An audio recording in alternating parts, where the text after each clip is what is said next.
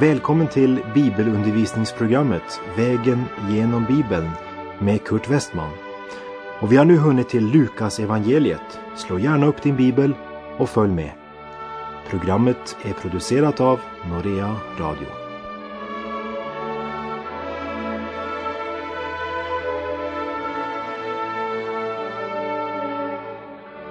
Vi har nu kommit till Lukas evangeliets nionde kapitel som börjar med att Jesus sänder ut de tolv. Och det är mycket viktigt att vi lägger märke till att makt över demoner och kraft att bota sjukdomar gavs åt lärjungarna före Jesu död och uppståndelse. Vi kan säga att intill det nya testamentet finns i skriftlig form så är det dessa tecken som bekräftar en sann apostel. Vi läser Lukas 9, vers 1. Han kallade samman de tolv och gav dem makt över alla demoner och kraft att bota sjukdomar. När Jesus vandrade här nere på jord gav han apostlarna gåvan att bota sjukdomar. Det var en gåva som var ett tecken och den fungerade som stadfästelse eller bekräftelse på att apostlarna var det de sade sig vara, nämligen Jesu apostlar. I kyrkans eller den kristna församlingens första tid alltså innan vi hade det nya testamentet i skriftlig form, så var det just dessa gåvor som skulle känneteckna att någon var en apostel. Petrus kunde bota sjuka och uppväcka döda. Paulus kunde bota sjuka och uppväcka döda. Och att göra detta var kännetecknet på att de var Herren Jesu Kristi apostlar. Jesus sände ut sina apostlar för att förkunna Guds rike och göra de sjuka friska. Detta skedde innan han dog på korset. Idag är det inte att bota de sjuka som är det viktigaste. Om du läser breven i Nya testamentet noggrant ska du lägga märke till att även om Paulus hade givits gåvan att bota sjuka så utövar han den inte i den sista delen av sin verksamhet. Men i första Timoteusbrevet 5 säger han till sin medarbetare Timoteus Drick inte längre bara vatten utan ta dig lite vin för din mage och dina ständiga krämpor. Men han botade honom inte. Paulus säger själv i Andra Korinthierbrevet 12 att jag har fått en tagg som sticker mig en ängel från Satan som misshandlar mig så att jag inte blir högfärdig. Tre gånger har jag bett Herren att den ska lämna mig i fred, men han svarade, min nåd är allt du behöver. Ja, i svagheten blir kraften störst. Därför vill jag helst skryta över min svaghet så att Kristi kraft kan omsluta mig. Och Paulus skrev till Timoteus i Andra Timoteusbrevet 4, vers 20. Trofimus som var sjuk lämnade jag i Miletos. Varför botade inte Paulus sin vän Trofimus? Paulus närmade sig slutet av sin tjänst och gåvan som skulle stadfästa eller bekräfta att han var en apostel avtar redan här i den första kristna församlingens tid. Det är uppenbart att när församlingen eller kyrkan fick skriften, det vill säga det nya testamentet i skriftlig form, så är det inte längre det yttre tecknet som bekräftar en sann apostel. Auktoriteten flyttas från en person och till skriftens blad, Guds ord, Bibeln. Mot slutet av sitt liv varnar aposteln Johannes och säger att människan ska prövas på om läran stämmer med Guds ord. Och i Johannes andra brev kapitel 1, vers 10. Om någon kommer till er utan denna lära ska ni inte släppa in honom i ert hem och inte hälsa honom välkommen. Och Paulus sa i Galaterbrevet 1.8 men om någon, vore det så jag själv eller en ängel från himlen, skulle förkunna ett annat evangelium än det jag har förkunnat för er, förbannelse över honom. Det är kraftiga ord han använder för att säga oss att den absoluta auktoriteten finner vi i Guds ord. Gamla och Nya testamentets samlade skrifter. Vi läser i Lukas kapitel 9, verserna 2 och 3.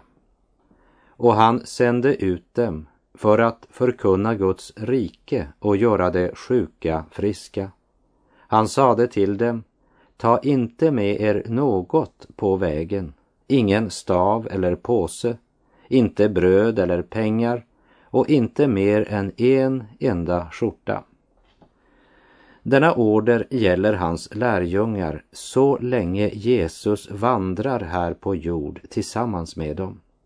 När vi kommer till Lukas kapitel 22 ska vi se på den nya förhållanden som lärjungarna måste räkna med när Jesus återvänt till sin himmelske far. I Lukas 22.36 står det, då sade Jesus, men nu ska den som har en penningpung ta den med sig. Det är en detalj som är viktig att lägga märke till när vi läser Lukas 9, de första verserna. Och vi läser vers 4. Har ni kommit in i ett hus, så stanna där tills ni ska vidare. Även om ett eh, Herrens vittne reser vida omkring så ska han inte ta in en här och en där, men alltid ta in i samma hus. Och inte byta för att eventuellt få bättre mat eller andra fördelar. Har de kommit in i ett hus ska de stanna där tills de reser vidare. Och vi läser verserna 5 till och med 9. Och är det någon stad där man inte tar emot er, så gå därifrån och skaka bort dess damm från era fötter. Det ska vittna mot dem. Och det gav sig iväg och det gick från by till by och överallt förkunnade det evangeliet och botade sjuka. Och här håller vi i minnet att apostlarna fått denna kraft före Jesu död och uppståndelse. Och vi läser vidare, verserna 7 till 9. Tetrarken Herodes fick höra berättas om dessa händelser och han visste inte vad han skulle tro. Några påstod nämligen att Johannes hade uppväckts från de döda. Några andra att Elia visade sig och andra att någon av de gamla profeterna hade uppstått. Herodes sade, Johannes har jag låtit halshugga. Vem är då han som jag hör allt detta om? Och han försökte få träffa honom. Deras missionsarbete påverkade även Herodes. Herodes var ju ansvarig för både fängslingen och halshuggningen av döparen Johannes. Markus berättar att Herodes var rädd att Jesus var Johannes döparen som återvänt från de döda. Herodes nyfikenhet gjorde att han ville träffa Jesus och vi läser 10 och 11. Apostlarna kom tillbaka och berättade för Jesus om allt de hade gjort. Han tog dem med sig och drog sig undan till en stad som hette Betsaida. Men folket fick reda på det och följde efter. Då lät han dem komma och talade till dem om Guds rike och han botade alla som behövde hjälp. Apostlarna Petrus, Andreas och Filippus var från Betsaida. Apostlarna har återvänt efter att tydligen har uträttat storverk och upplevt fantastiska saker. För att inte tjänsten ska överskugga honom som de blivit kallade att tjäna så tar Jesus dem avsides. Men eh, folket följer efter till denna avsidesliggande trakt. Och vers 10 och 11 bildar upptakten till händelsen då Jesus bespisar 5000.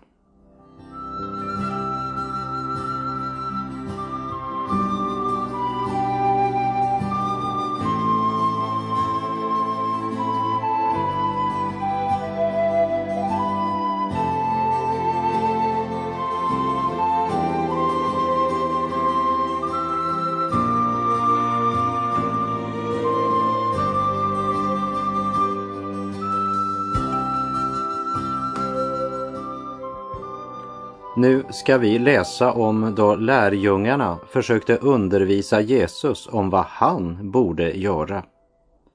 Tyvärr gör många av oss troende idag oss skyldiga till detsamma. Men han behöver inte våra förslag. Vi läser verserna 12 till 17. När det led mot kvällen vände sig de tolv mot honom och sade Låt folket ge sig av så att de kan gå till byarna och gårdarna här omkring och skaffa sig tak över huvudet och få något att äta. Här är vi ju ute i ödemarken. Han svarade, ge dem något att äta ni själva. De svarade, vi har inte mer än fem bröd och två fiskar. Om vi inte ska gå och köpa mat åt alla de här människorna. Det var omkring fem tusen män.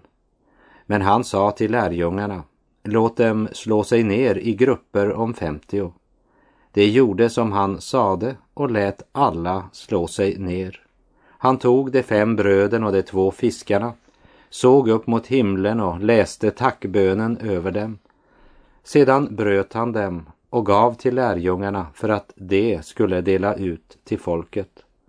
Alla åt och blev mätta och de överblivna bitarna samlades ihop. Det blev tolv korgar. Matteus, Markus och Johannes återger också den här händelsen. Lägg märke till att Herren ger dem en omöjlig uppgift. De skulle lära sig, precis som också vi måste lära oss, att han alltid ger oss omöjliga uppdrag.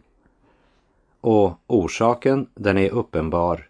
Han tänker utföra gärningen. Han som i begynnelsen skapade fisken och som får säden att förmera sig på åkern. På hans befallning skapas mat åt den stora människomassan. Och när det talas om det överblivna så var det inte matrester av den typen vi brukar kasta i soptumman. Men det var bröd och den fisk som inte blivit serverat. Gud hade givit mer än lärjungarna kunnat bedja eller tänka. Och vi läser vidare i verserna 18 till och med 21.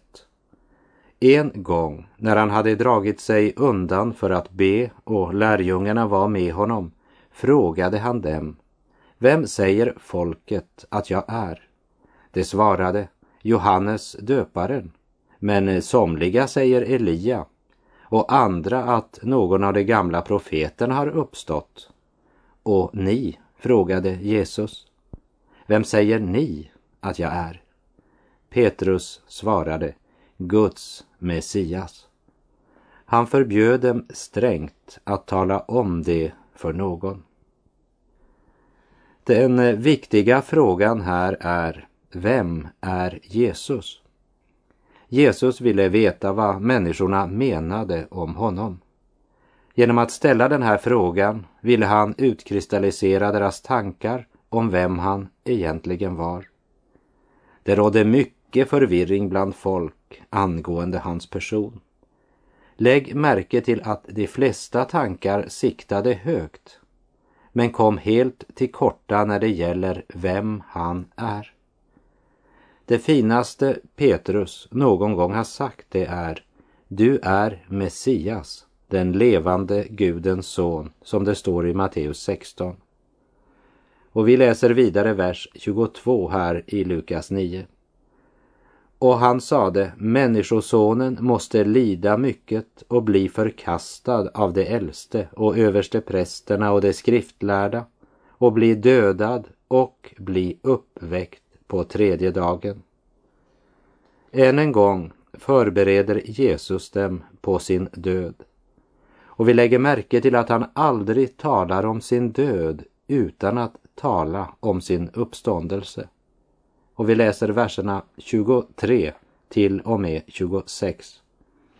Och han sade till alla, om någon vill gå i mina spår måste han förneka sig själv och varje dag ta sitt kors och följa mig. Ty den som vill rädda sitt liv ska mista det. Men den som mister sitt liv för min skull, han ska rädda det. Vad hjälper det en människa om hon vinner hela världen men får betala med att mista sig själv? Den som skäms för mig och mina ord, honom ska Människosonen skämmas för när han kommer i sin och sin faders och de heliga änglarnas härlighet. Vilket förhållande har vi till Jesus idag? Bekänner vi oss till honom? Tjänar vi honom och önskar vi att i allt leva till hans ära? Det är värt att tänka på. Och när vi nu kommer till Kristi förklaring ska vi se att läkaren Lukas har med en detalj som de andra har utelämnat vers 27. Jag försäkrar er, några av dem som står här skall inte möta döden förrän de har sett Guds rike. Simon Petrus förklarar denna vers för oss. Han säger att han såg Guds rike. Var såg han det? Han var med Herren på förklaringsberget och var ögonvittne till det. Han berättar om det i Petrus andra brev i det första kapitlet där han säger det var inte några skickligt hopdiktade sagor jag byggde på när jag för er förkunnade vår Herre Jesu Kristi makt och hans ankomst. Utan jag hade med egna ögon sett honom i hans majestät. Ty han mottog ära och härlighet från Gud, sin fader när en röst kom till honom ur denna majestätiska härlighet. Detta är min älskade son, honom har jag utvalt. Den rösten hörde jag själv komma från himmelen när jag var med honom på det heliga berget. Det är förklaringen Petrus ger av Lukas 9.27 och det är nog för mig. Jag tror att han som var med där uppe på förklaringsberget borde veta bättre än några av dessa moderna förtolkare som inte var där.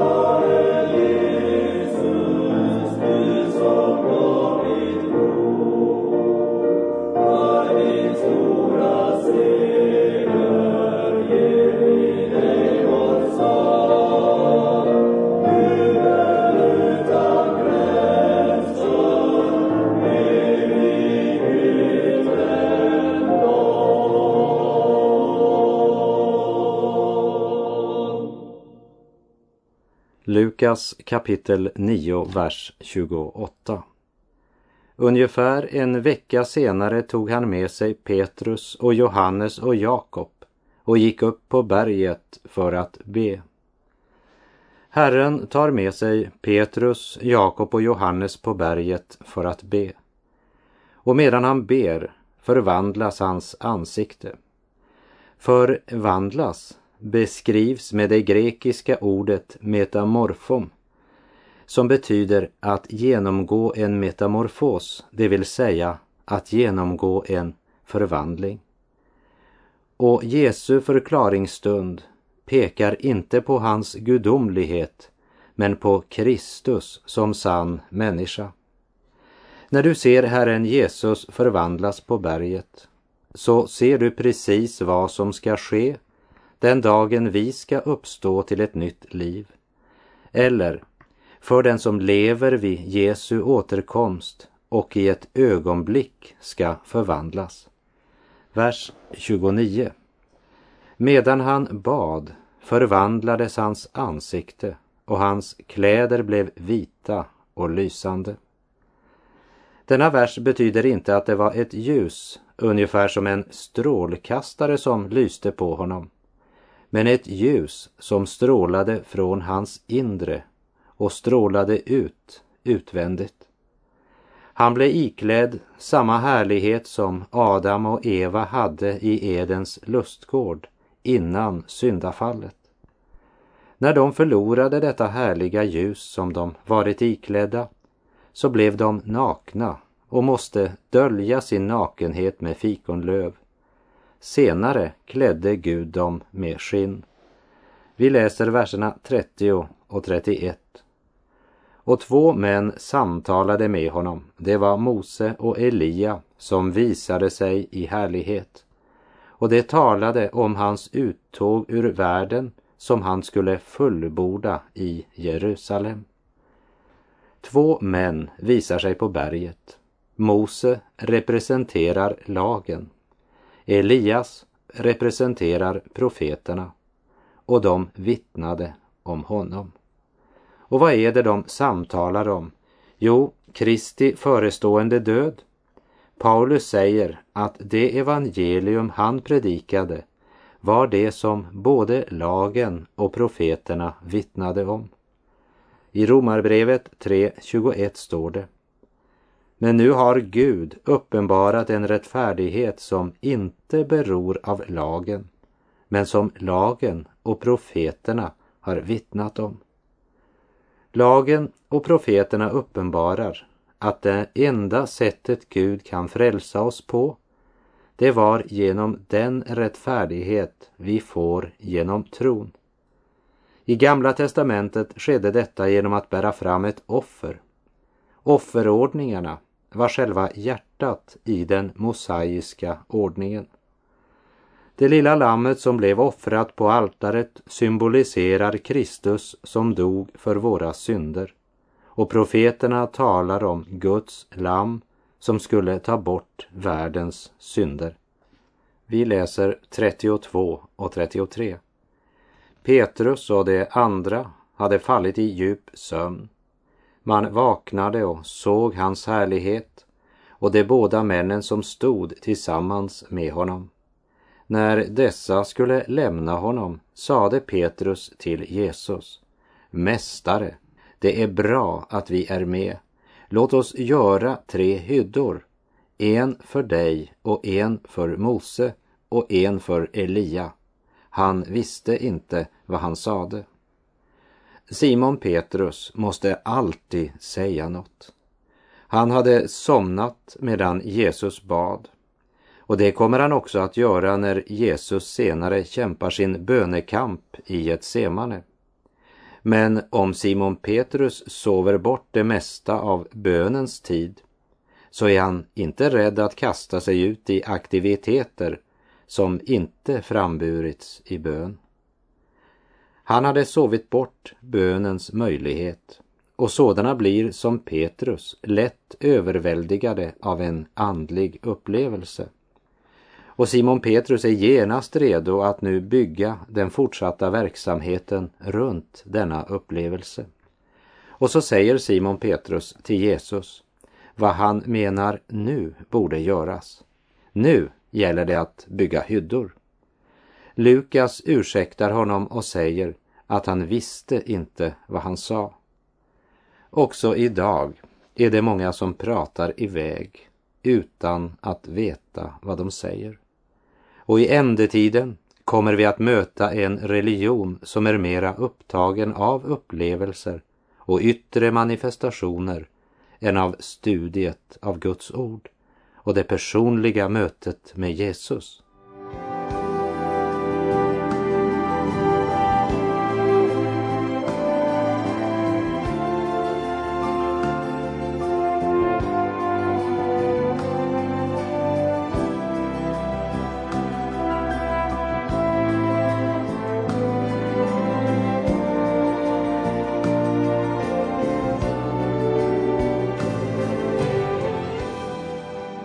Verserna 34 till och med 36.